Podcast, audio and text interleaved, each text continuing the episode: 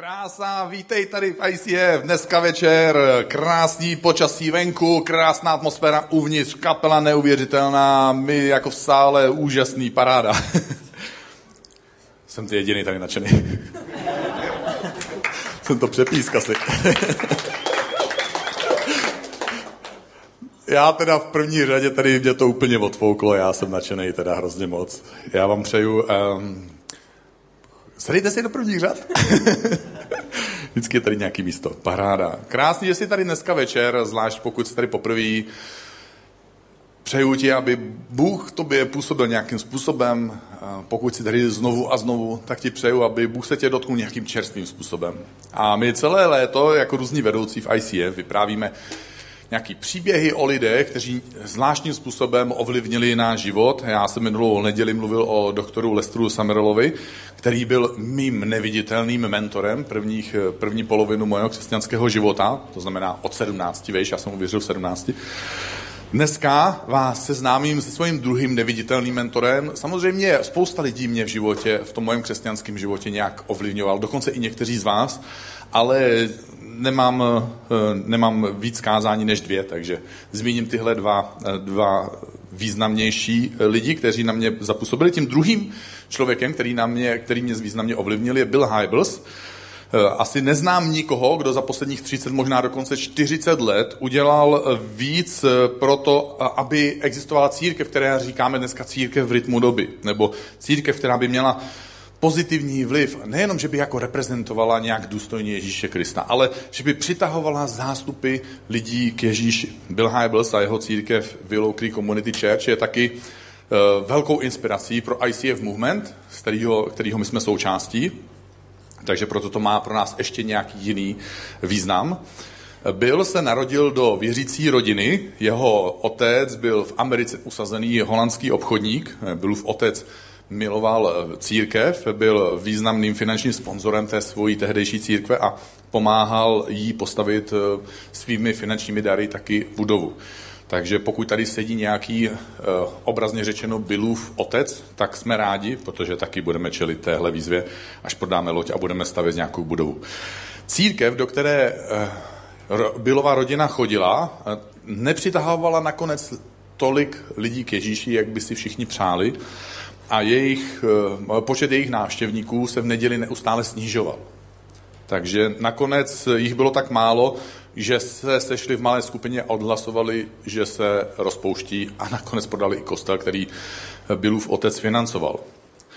Všechny tyhle zážitky eh, asi nějakým způsobem definovali nebo ovlivnili Billovu budoucnost, protože byl zklamaný z církve, byl zklamaný z toho, že byla duchovně vedená tak, že lidem nepomáhala blíž k Ježíši, že nepřitahovala lidi k Ježíši a že byla i organizačně vedena tak, že nedokázala řádně nějak řídit svůj chod a vytvořit prostředí pro to, aby lidi mohli eh, duchovně růst a, a žít. Takže nakonec byl plánoval, že bude následovat životní dráhu svého táty a že se stane obchodníkem. Díky, kvůli tomu taky nastoupil na školu, kterou si vybral, aby se tím směrem vydal. Na škole, na střední škole eh, našel 25 kamarádů, s kterými založil jako mládežnickou skupinu Youth Group. A během tří let, dokonce eh, než ta škola skončila, tak eh, z těch 25 mladých lidí jich bylo 12 věřících, kteří následovali Ježíše. A všichni v téhle skupině měli více méně stejnou životní zkušenost. A možná, že to může rezonovat někdy i s tou tvojí zkušeností. Jejich zkušenost byla takováhle. Církev je nudná, vždycky jim jde nakonec jenom o peníze a církev vždycky poučuje, co by ostatní měli dělat. A taky poselství v církvi nejsou nějakým způsobem použitelná pro praktický život. V tomhle období se také setkal Eh, s učitelem, který se jmenoval, eh, s učitelem Bible, který se jmenoval Gilbert Bileskian, který se ho zeptal, zda by nechtěl a zda by neměl vlastně dovolit Bohu, aby mu pověděl, jestli náhodou není povolaný k tomu, aby vedl boží církev nebo aby vedl boží dílo. Eh, byl na tuhle výzvu přistoupil a došel k přesvědčení, že navzdory svoji zkušenosti z církví, kterou z dětství a z mládí měl, z té církve svého otce, tak by církev mohla být nadějí tohohle světa, světa kolem nás, až by on toho měl být nějakým způsobem součástí. V roce 1975 si tedy se, s, těmi, s těmi kamarády z, ze školy, bývalými, z bývalé školy, si pronajali sál a zaplatili sál hrozně zajímavým způsobem. Chci to jenom zmínit jako perličku, protože opravdu, až budeme jako ICF stavit nějakou budovu, tak eh, kdo ví, jaký nápady dostane někteří, dostanou někteří z nás. Třeba jenom to, že jsme tady na lodi, byl takový nápad, eh, že se oznamovalo kdysi, že budova, v které se scházíme, kterou máme pronajatou, se bude časem bourat, takže se budeme muset odstěhovat. A za tehdejším kazatelem, zakladatelem ICF, Jirkou Zdráhalem, přišel jeden z hostů, který vlastně ani úplně nevíme, jestli byl křesťan, asi byl věřící možná, a, a řekl, tak to bylo tehdy na motokárové dráze. Říkal, vy se scházíte na motokárové dráze, církev na motokárách, to je divná věc. Jestli chcete zůstat divní, tak můžete to udělat třeba na lodi. A kde jsme dneska? Takže lidé mají různé nápady a některé si Bůh nakonec i použije. A oni měli také nápad, jak zaplatit nájem sálu, kteří jako studenti samozřejmě oplývali mnoha penězi, že? Jako všichni studenti na světě. A e, takže se rozhodli, že 100 teenagerů, a to se jim podařilo, prodalo 1200 košů z rajčaty. Takže můžete mít různé nápady. O pár let později oni opustili čistě evangelizační model e, svých e, setkání a začali budovat církev po vzoru té první církve, která je popsaná v Bibli v knize skutků eh, Apoštolů. A dva roky na to, v roce 1981, se přestěhovali na místo, kde se jejich církev už schází do dneška. A v roce 2000 už měli během, během víkendu šest bohoslužeb, které navštěvilo 15 000 lidí. Pak v roce 2004 postavili nový sál, aby, um, aby vlastně mohli nějakým způsobem absorbovat ten příliv lidí, kteří chtěli Boha následovat v jejich církvi. A dneska církev, ten sál má kapacitu 7 tisíc lidí, je to jeden z největších sálů, který se, který se dá ještě považovat za divadelní sál, protože všechny ostatní už jsou vlastně stadiony. A dneska církev Willow Creek Community Church každou neděli navštěvuje 24 tisíc lidí a je třetí největší církví ve Spojených státech. Takže pořád s tímhle číslem jsou teprve třetí, jo? což je taky krásný, zajímavý.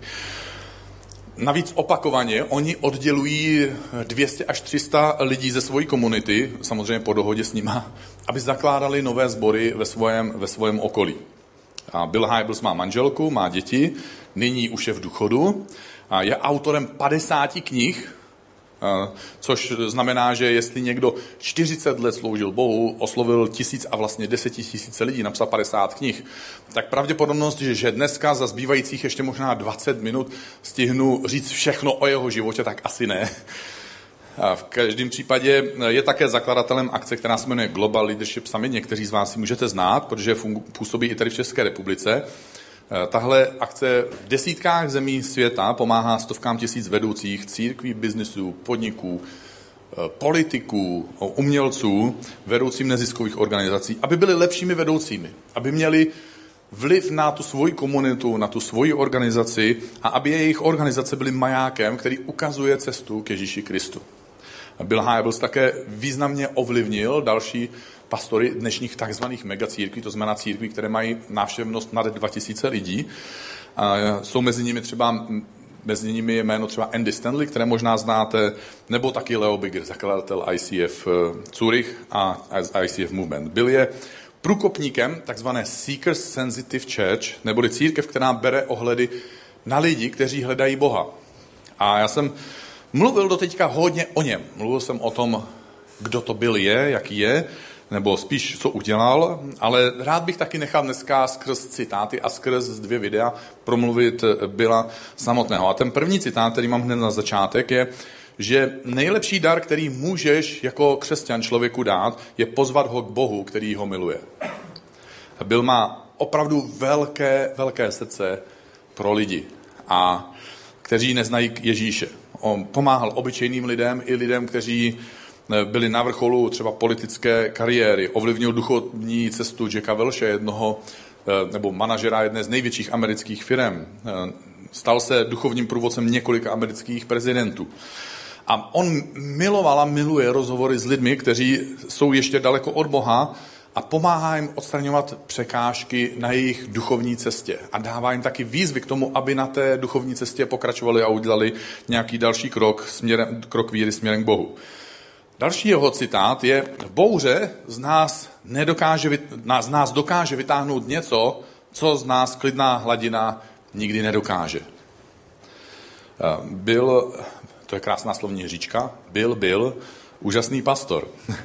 Dokázal lidem pomáhat překonávat životní těžkosti a vidět i v těch těžkých situacích Boha ve svém životě a dokázat ho vlastně pomáhal lidem a pomáhá lidem Boha následovat i v těch těžkých situacích.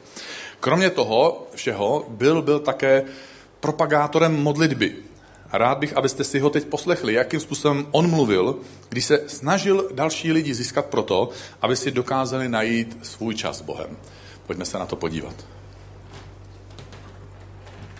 An advertising executive came down to talk to me after a, service, and he had just become a Christian. I had, I had baptized him at the church, and so, and uh, he said, I, I just can't make time for a meeting with God. He said, You have no idea what it's like to commute downtown every day and you live in a different world. I, I, can't, I just can't fit it, fit that kind of thing into my life. And I remember looking at this young guy, hard charging young guy, and, and I said, here's my experience. And I'm not, you know, I'm only like 24 years old, so there it is. I said, I've always been able to make time for stuff I value. Just how my life works. If I value something, I'll make time to experience it. If I don't, I won't. And I'm making time for a meeting with God in my life. You do it any way you want. And uh, he wasn't too happy with me that day, I don't think, and I didn't see him for a while. And then afterwards, I saw him many months later, and when he came down to talk to me, he, his countenance was different. He felt different. His conversation was different. And he invited Lynn and me, he and his wife invited Lynn and me to go over to their house for dinner. So we accepted. He lived right in the area. And so we go over to their house, and uh, as we're kind of just having some appetizers beforehand, he takes me over to a rocking chair. And he says, You know how you challenged me to have a meeting with God and to just to make the time? He said, I, I've, I love rocking chairs, so I bought a good one. And you said that maybe if you're going to make this repeatable and enjoyable, you should look at some scene or vista that you enjoy looking at. And he said, I've got a little backyard here and I love looking over the backyard. So he said, I, I just bought this chair and I put it at my favorite window where I can overlook the backyard. And he said, I got up a half hour earlier, 15, 20 minutes, half hour earlier each day, the last several months. I sit in the chair, I have a cup of coffee, and he goes, I read God's word. I try to make sense of it. I ask him to speak to me by his word. Then I meditate on it, reflect it, apply it to my life. Then he said, I write some thoughts down in a journal and I pray. I pray that I will be more aware of his presence in my life. And I said, how's, how's that going for you? And his wife jumped in and said, I'll tell you how it's going for him. He's a changed guy. What happens to him when he sits in that chair has changed him. He's more centered. He's a more gentle and loving man in our marriage and to our children. I was very impressed with this, that he could show me his chair, that he had taken the time, that he had fashioned a meeting with God that he looked forward to. Because he liked the chair, he liked the view, he liked the coffee, he was a morning guy. And he fell into this pattern. Many months later, uh, I had coffee with him one time, and he said, I'm thinking about leaving my job in advertising. He said, it just, it, um, I think I'm done with that. I said, where'd you get these ideas? And he said, well, in my meetings with God in the chair. That's, he's been putting those thoughts in my mind. I said, what are you going to do? And he said, maybe I'll just help you build the church. I said, well, no one's getting paid around here, you know. And he said, well, I've done pretty well in advertising. I can hold on for a while and, and, uh, maybe if the church grows, you know, then maybe they can help me and my family in some way. And I said, well, you better go back to that chair and see if God's really in this because I don't want to take responsibility for your life and all this. And he said, okay, I will. And came back about a month later and he said, you know, I, I gave notice at, at work. And if it's all the same to you, I'm just going to help you start building the church. You pay me what you can, but it's not a concern of mine. And this guy joined our staff and I'm telling you, he was a hardworking, energized, joyful, uh, industrious individual that really, really helped our church. and was on our staff for many, many years. One of the best staff members in the early days of the church. Then one day he comes into my office and he said, you know, I, I still do that meeting with God in that chair, that rocking chair. And he said, God's been stirring in my life in my meetings with God. And he said, uh, a friend of mine starting a brand new church in Colorado. And I think I'm going to pack my family up and move to Colorado. I said, can they support you? He said, no, I'm going to have to go back into the marketplace and uh, make some money because they, they can't afford anything. And uh, I said, are you ready to do that? And he said, you know, every morning I talk to God about it. And he said, I'm really fired up about it. So we said goodbye to him and he packed his family up and he went out and he went back into advertising, made a lot of money and gave most of it to the startup church. And it became a fantastic church. And then in that same chair that he moved out to Colorado, sitting at a window in the morning like he had done for many, many years now, he processed a bad medical report he got from the doctor that cancer had come his way. And he kept working and he kept supporting that church. And uh, he got sicker and sicker. It was a very fast spreading kind of cancer. And uh, then he was hospitalized. And one of the great losses he felt when he was in the hospital is that he didn't have his chair. And he died quite soon thereafter, and I did his funeral in Colorado. And I was talking to his widow, his wife, uh, at the funeral reception afterwards. I said, That was something about that chair, wasn't it? She said, His whole life changed in that chair. I said, What are you going to do with the chair? And she said, We are going to pass that chair onto our children and onto our grandchildren in the hopes that someone would sit in it like Tom did and have their life transformed. Simple question, gang. Where's your chair? Where do you meet with God? Where do you reflect on His Word and open yourself to His power? Where, where do you become aware of His presence in your life? Where is that?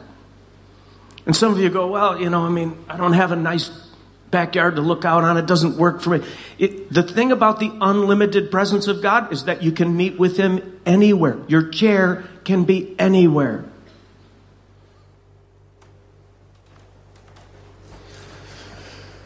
Takže, kdo z vás teďka lituje, že jste si neudělali dneska ráno čas, že? Kdo z vás teďka plánuje, já to zkusím možná aspoň jednou. Tohle je právě ten vliv, který byl má na lidi. Kde je tvoje místo, kde se setkáváš s Bohem? A dokázal to říct způsobem, kdy každý o tom začal přemýšlet. Byl k tomu říká, můžu napsat něco o modlitbě. A vy si můžete přečíst něco o modlitbě. Ale dříve či později si budeš muset kleknout a prostě se začít modlit. A k tomu bych přidal ještě jeden Billův citát o modlitbě. Naše modlitby by byly pouze s božným přáním, planou nadějí a bezduchou touhou, pokud by nevycházely ze srdce naplněného vírou.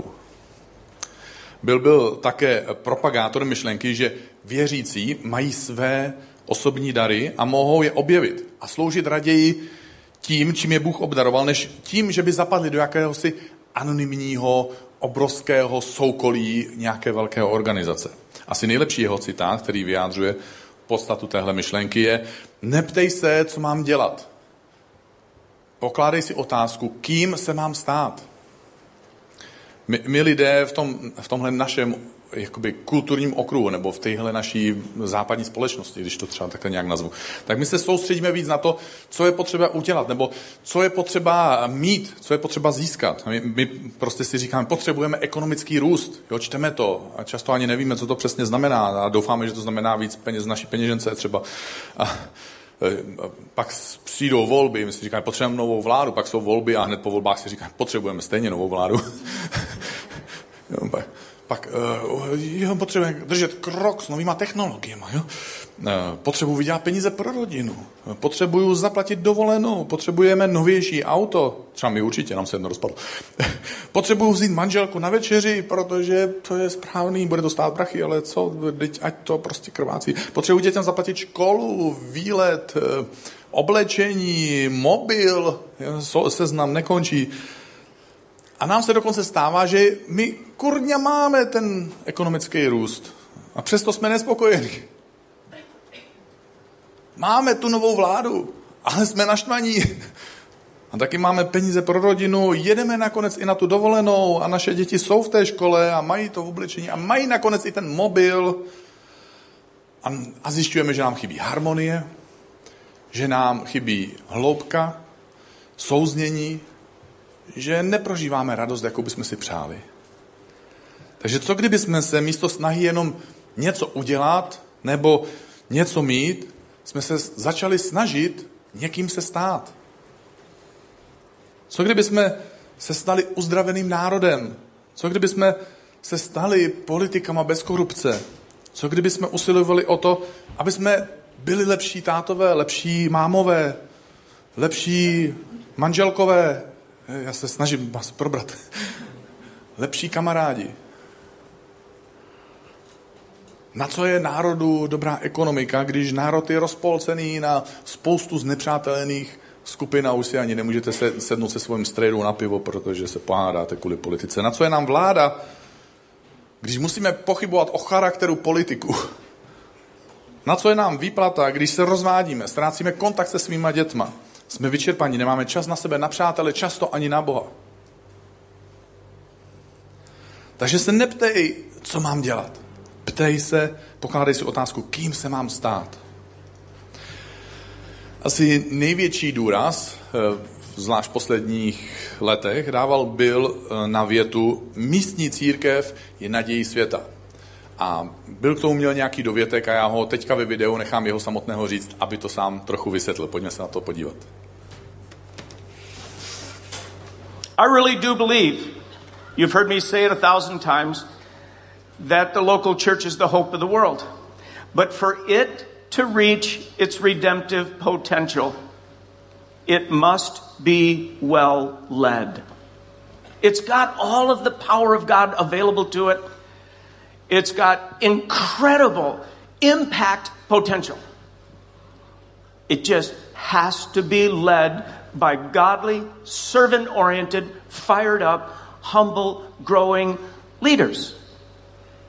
And if it is led by those kinds of leaders, the gates of hell will not prevent the full work of God in this broken world. It's going to be unbelievable what happens all over the world in churches if they're well led. But that means those of us with leadership gifts have to step up and we have to step it up. And that means we have to take responsibility for our own leadership development.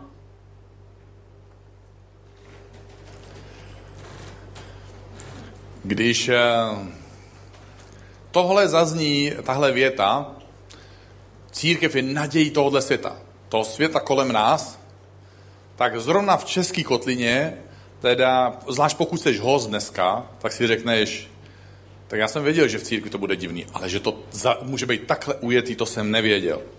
Protože v České kotlině, když se udělají statistické průzkumy, tak eh, je tam, že jo, jsou tam ty politici, vláda, hasiči, požárníci, eh, nevím přesně, jak se jim říká, jestli hasí nebo požárují.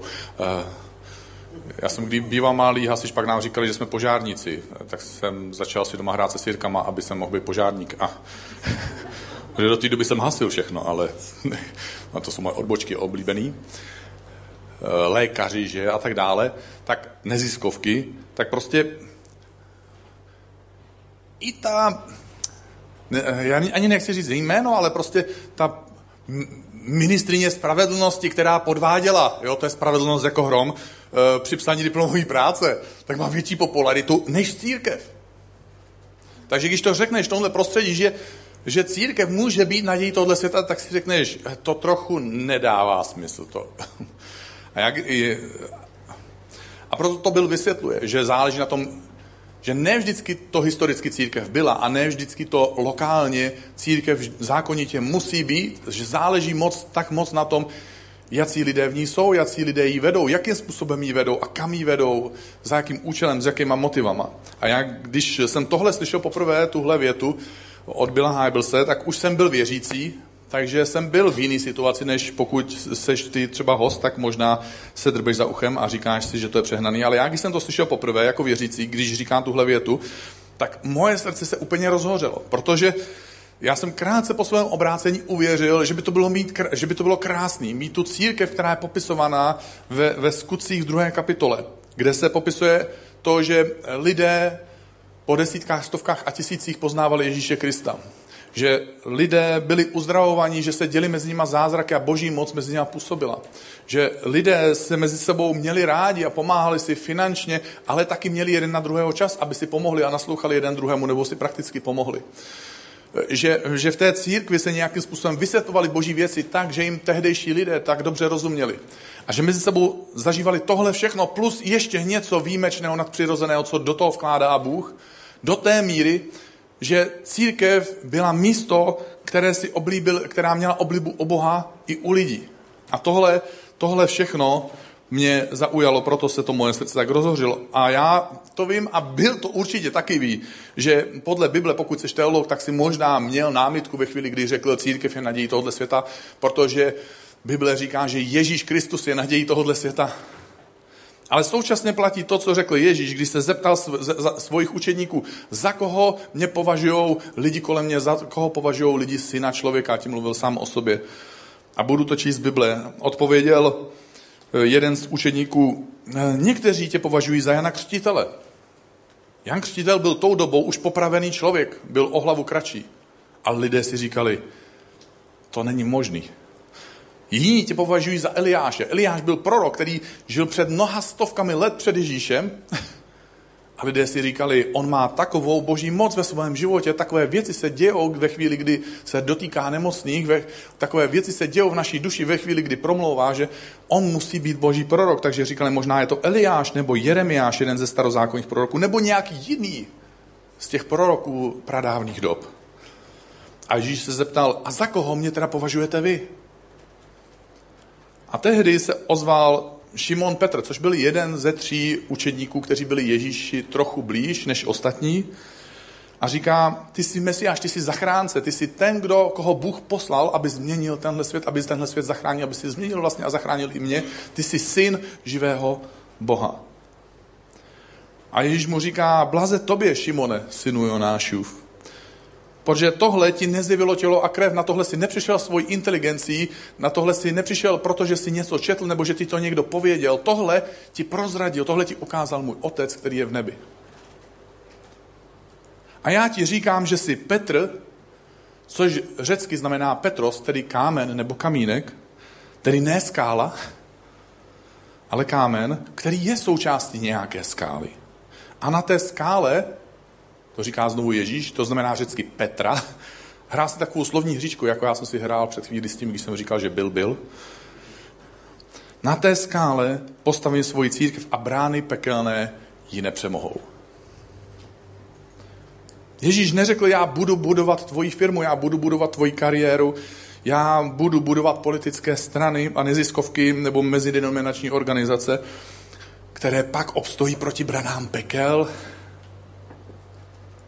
ano, Bůh si používá věřící, kteří mají firmy, Bůh si používá věřící a dává jim a pomáhá jim v jejich kariéře. Bůh si používá věřící, aby byli v neziskovkách a mezidenominačních organizacích, v politice. Ale Ježíš sám staví jednu věc a to je církev. A já nepotřebuji snižovat nic z toho, co jsem zmiňoval, prostě jenom chci říct, že i Ježíš má svoje priority a že jeho prioritou je církev. A že zatímco my děláme všechno ostatní a je to skvělé, že to můžeme dělat a Bůh nám žehná v tom, co všechno můžeme dělat, tak On buduje svoji církev. A my se můžeme k Ježíši připojit, anebo to můžeme opominout, nevěnovat pozornost, ignorovat to, nebo dokonce to nějakým způsobem popírat, potlačovat. A byl se ve svoj, ve, v té svojí větě dodává, církev je nadějí tohoto světa, toho světa kolem nás, toho světa kolem tebe, toho tvojeho a mojeho světa, kde, kde je naše rodina, kde jsou naši přátelé, kde bydlíme, pracujeme, studujeme. Tahle církev je nadějí tohohle světa, pokud je vedená dobře. A vedená dobře neznamená, že tady je jeden vedoucí, který vede církev, což určitě ano, je to součást toho. Proto záleží na tom, jak, jací vedoucí vedou církev, ale byl říká, opravdoví lídři si nebudují následovníky, opravdoví lídři budují další lídry. A každý z nás, ty a já, bez ohledu na to, kde sedíme, stojíme nebo působíme, jsme tak trochu lídři. Protože nejtěžší na vedení všech lidí, ať vedeš cokoliv, nejtěžší je vést sama sebe. Každý lídr začíná u sebe. Kdo jsem, kým se stávám, jakým příkladem vedu. A tak pro každého z nás platí další Billův citát. Jsi lídr. Máš za úkol udržovat v sobě hořící vášeň. Udělej cokoliv, přešti si cokoliv, věď kamkoliv, aby si udržel svoje nadšení. A nikomu se za to neomlouvej. A taky řekl, že skutečný lídr se stále učí. A že všichni vyhrávají, když se lídr zlepšuje. Protože je to jedno, v jaké oblasti působíš a která, kde je ta tvoje sféra vlivu. Jestli seš, že si tvoje sféra vlivu končí tam, kde končí tvoje tělo, ten tvůj vlastní život, tvůj domov a domácnost, nebo jestli vedeš svoji rodinu někam a nějakým směrem a ovlivňuješ ji, jestli máš přátele, kteří, který ovlivňuješ, oni tě možná také ovlivňují, ale ty je také ovlivňuješ, navzájem se ovlivňujeme. Nebo jsi v práci nějakým příkladem, Nebo dokonce jsi možná politik, protože máme tady politika, eh, nebo politiky. Eh, možná seš zpěvák, zpěvačka, máš vliv na lidi skrze to, že nějakým způsobem působíš na lidi z pódia a svým životním stylem. Možná seš prostě učitelka ve školce. Možná prostě chodíš do práce a máš kolegy v práci kolem sebe. Možná někde bydlíš a jsou tam tvoji sousedi. Vždycky máš nějaký okruh vlivu. Vždycky to nakonec nekončí jenom tvojím tělem. Nakonec máš nějaký okruh vlivu. A otázka je, jakým lídrem seš. Jestli seš lídrem, který se stále učí a jestli všichni mohou vyhrávat, pokud se ty zlepšuješ. Protože všichni kolem tebe vyhrávají ve chvíli, kdy ty se začneš zlepšovat. A já než skončím dnešní vyprávění o Bilovi, tak bych rád za chvíli pozval eh, Lukáše a Renatu Knížkovi, eh, ale než je pozvu, tak řeknu ještě jeden Bilův citát. On řekl, nepromarní okamžiky, kdy k tobě Bůh mluví. A já tyhle dva lidi chci pozvat, pozvat tyhle manžele a Lukáše a Renatu možná teďka můžete přijít. Pojďme jim zatleskat ještě teda.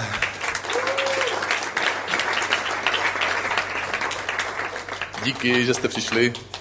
Já jsem si dneska z Lukáše dělal legraci. Renata je dneska vedoucí velkám týmu, takže má tričko velká long home. Říkal jsem, Lukáši, ty jsi to tričko nějak moc vypral. Nápis zmizel. Ale chtěl jsem je pozvat z jednoho důvodu, protože právě reprezentují tak moc, eh, a nejsou určitě jediní, ale, ale v tuhle chvíli je to prostě aktuální. Tak moc to, co byl říkal o tom, když mluvil, že, že si najdeme místo, kde nasloucháme Bohu a pak ho poslechneme, a že jsou okamžiky, kdy k nám Bůh mluví a že bychom neměli ty okamžiky promarnit.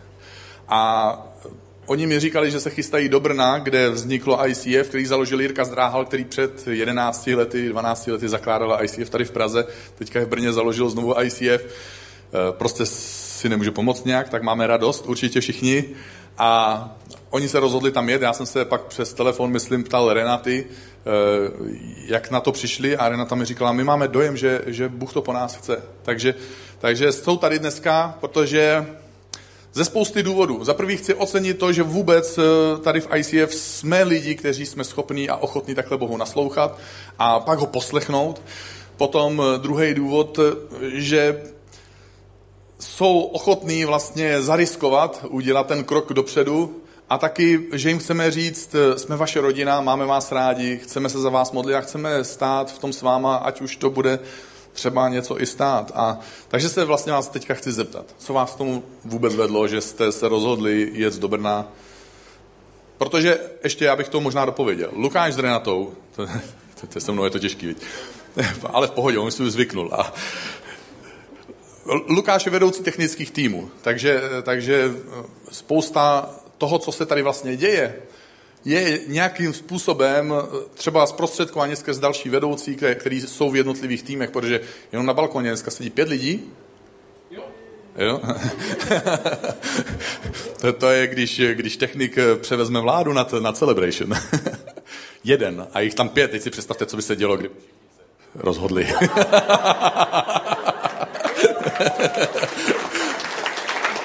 Takže jsou skvěle sladěný, Lukáš, Lukáš jejich vedoucí vlastně e, spolu s nimi tady budovali, ví, kde, který kabel tady vede. Tady je všude tolik kabelů, že na to neexistuje ani mapa. E, já si říkám, až Lukáš odjede, že se bude muset založit mapovací komise. a že prostě tady bí, bílý území možná nějaký ne, nezmapovaný. Takže, takže Lukáš je, je určitě výjimečný člověk, výjimečný vedoucí. Renata taky. Ona vede celý velkám tým, pod, současně s tím e, spousta lidí, kteří jsou tady noví a dostávají potom e-mail, protože nám dali třeba kontakt na sebe a že by rádi věděli víc o ICF, nebo kde by se mohli zapojit v týmu, nebo že by hledali small group, nebo mají nějaké otázky, tak Renata vlastně je ten člověk, který kromě toho, že tady vlastně řídí e, v tom foaje všechno to přivítání a ten hezký, hezký dojem, tak e, na to navazuje a odpovídá lidem, pomáhá lidem najít tým, pomáhá lidem najít small group a kromě toho ještě Renata eh, vedla eh, vedoucí small group a před rokem jsem ji třeba požádal, jestli by ehm, z našich osmi small group mohla udělat trochu víc a teďka v červnu to bylo 15, 16? 15. Jo, takže jsou to hrozně šikovní lidi, takže taky hrozně moc ztrácíme, budeme plakat, ale jenom chvilku.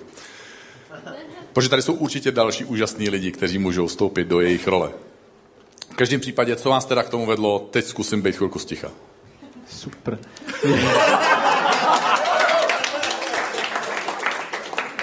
My jsme se o, o tom, že Jirka zdráhal plánuje, plánuje udělat něco jako v Brně, dozvěděli přibližně před rokem, když, když o tom začal mluvit. A hned jsme si říkali, že je to zajímavá myšlenka, nebo byla by to zajímavá myšlenka tam jet, ale poměrně rychle nás opustila a zase jsme ji nechali být. Takže to nějak běželo, ten rok uběh a přibližně, přibližně před dvěma, třema měsíci eh, jsem si s psal a domluvili jsme se o nějakých dalších věcech, které jsem mu pomáhal zajišťovat a které tam běžely a které jsme, který jsme spolu nějak vymýšleli. A Jirka se mě zeptal, jestli náhodou nechceme přijet do Brna, jen tak jako hodili byste se nám, nechcete se stavit, strávit s náma pár měsíců, rok.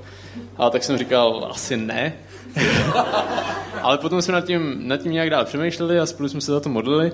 A čím dál tím víc nám to přišlo, jako že by to vlastně mohl být dobrý nápad a že by to všechno mohlo výjít a až nakonec jsme se dostali do toho bodu, když jsme si řekli, že jo, tohle je to, co po nás Bůh chce a to, co dává smysl a to, co, to, co máme jakoby ten další rok dělat a, a to, co bude dobrý. Krásný. A co tam teda budete dělat? Tak Lukáš bude mít na starosti Celebration a zase technický týmy a já budu pokračovat se small group. V ICF v Brně zatím nemají žádnou small group, tak to bude jednoduchý. Prostě Jakože z, z nuly na, na jakýkoliv číslo je to super růst, že? Takže myslím, že úspěch by měl být. a celkově chceme tam pomoct předat to, co jsme se tady nebo třeba na ICF, kolik kde jsme byli naučili. Pomoct prostě udělat další ICF, díky kterému můžou lidi poznávat Boha. Krásný. A co, eh, bylo to snadné se rozhodnout, eh, všechno to zařídit, protože práce, bydlení, všechno, že? Takhle. Bylo to poměrně snadné, až jsme byli překvapení, jak moc. Eh, v podstatě jsme se vůbec zeptali v práci, jestli můžeme do Brna, jestli, na, jestli jim to nebude v Praze vadit. A oni řekli, jo, v pohodě. Kdy můžeme jít do Brna? Na jak dlouho? Na rok. Jděte do Brna, nám to nevadí, můžete pracovat z domova. Takže tohle se vyřešilo celkem jednoduše. E, teď řešíme další věci, jako mm, zařídit všechno, všechno v ICF tady v Praze, aby, aby všechno běželo dál, aby jsme tady nechyběli tolik. A, a hlavní věc, zařídit bydlení v Brně, který pořád hledáme, ale věřím, Takový věřím detail. že, věřím, že když, blíží, to, vlastně. když to všechno, všechno, všechno tak dobře doteď, takže to půjde dál, dál dobře. Krásný. Moc děkuju, moc oceňuju to, co jste udělali do posud. Um, a hrozně rád bych věděl, uh, se ujistil, že víte, že vás máme rádi, že nám na vás záleží, že jsme hrdí na to, kdo jste, co, co všechno jste obětovali vlastně, když jste šli na količ, když jste se rozhodli teďka jít do Brna. Jsem na to hrozně hrdý za lidi, jaký jste a kam vás Ježíš až dovedl a, a určitě se těším na to, k čemu si vás Bůh ještě použije.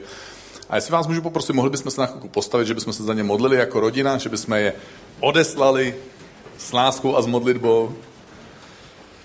Tak jo, Bože, my ti děkujeme za Lukáše Renatu, za tenhle úžasný, krásný manželský pár, za to, jaký jsou mezi sebou, jaký jsou taky vůči nám, že jsou přátelský a že tady pro spoustu z nás jsou vlastně osobníma kamarádama. Taky za to, jakým způsobem si je povolal, přitáhl k sobě, jakým způsobem si je používáš, jak v životech nás, lidí kolem nich, tak i v ICF. A Bože, děkuji ti za to, že taky byli ochotní a připravení slyšet tebe, tvůj hlas a rozhodli se poslechnout tvůj hlas a vydat se na další cestu o kus dál. Modlíme se za ně, že hnáme jim, aby si jim pomohl zajistit to bydlení, který jim ještě schází. Děkujeme ti za to všechno, co si pro ně udělal do posud, že tohle všechno vlastně bylo, zdá se, až tak snadný, že všechno bylo umožněné i firmou, firmama kterých pracují a modlíme se za ně, aby tam byli velkým požehnáním pro tvoje dílo, aby byli velkým požehnáním pro lidi, kteří tam jsou, pro lidi, kteří tam přijdou, pro lidi, kteří tě chtějí poznávat, pro lidi, kteří ti chtějí tam sloužit.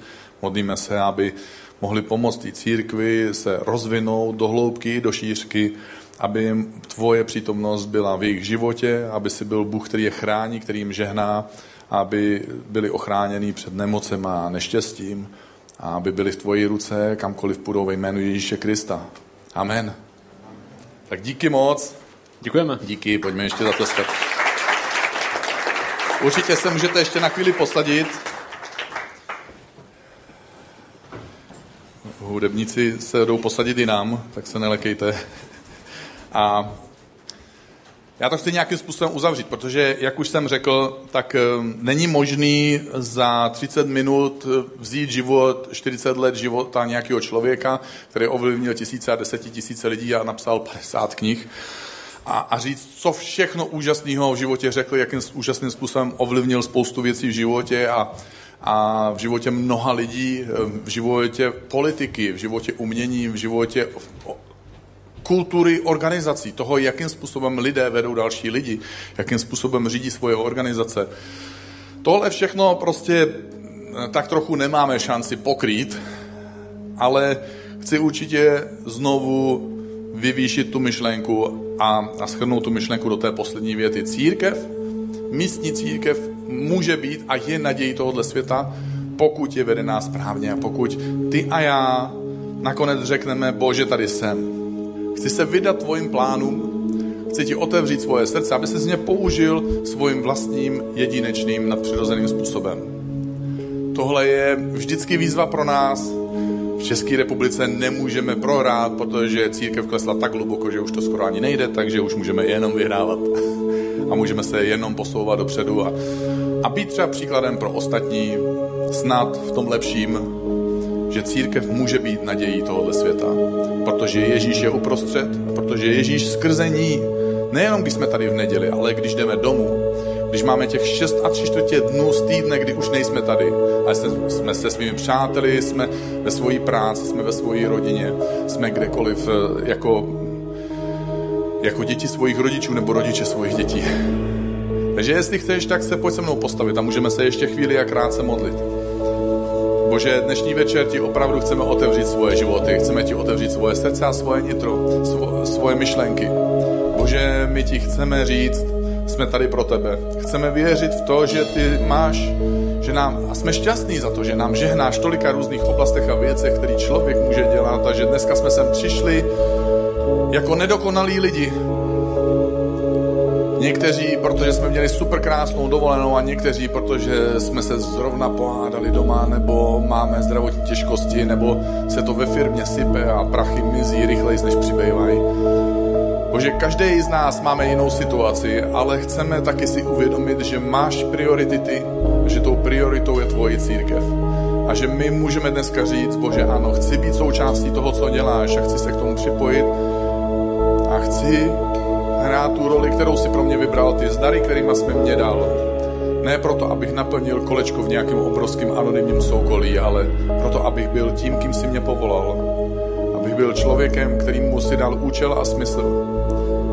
A Bože, chci naplnit svoje poslání v tomhle světě, v tvoji církvi a chci, aby tvoje církev byla znovu slavná a krásná. Ne kvůli moci, ale kvůli tomu, že přitahuje lidi k Ježíši. Když je zdravou církví Ježíše Krista. A proto se ti chci vydat, Bože. Ve jménu Ježíše. Amen.